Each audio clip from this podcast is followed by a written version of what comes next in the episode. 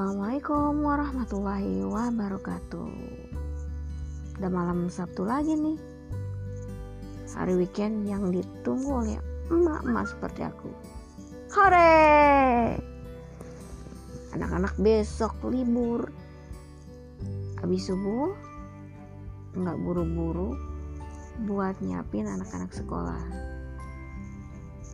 Ya walau cuma dua hari Minimal emas seperti aku tuh bisa refresh lagi baik fisiknya mentalnya terutama di pandemi ini yang justru hari liburnya sering kali dipakai buat ngerjain tugas anak-anak kamu gitu juga nggak mak?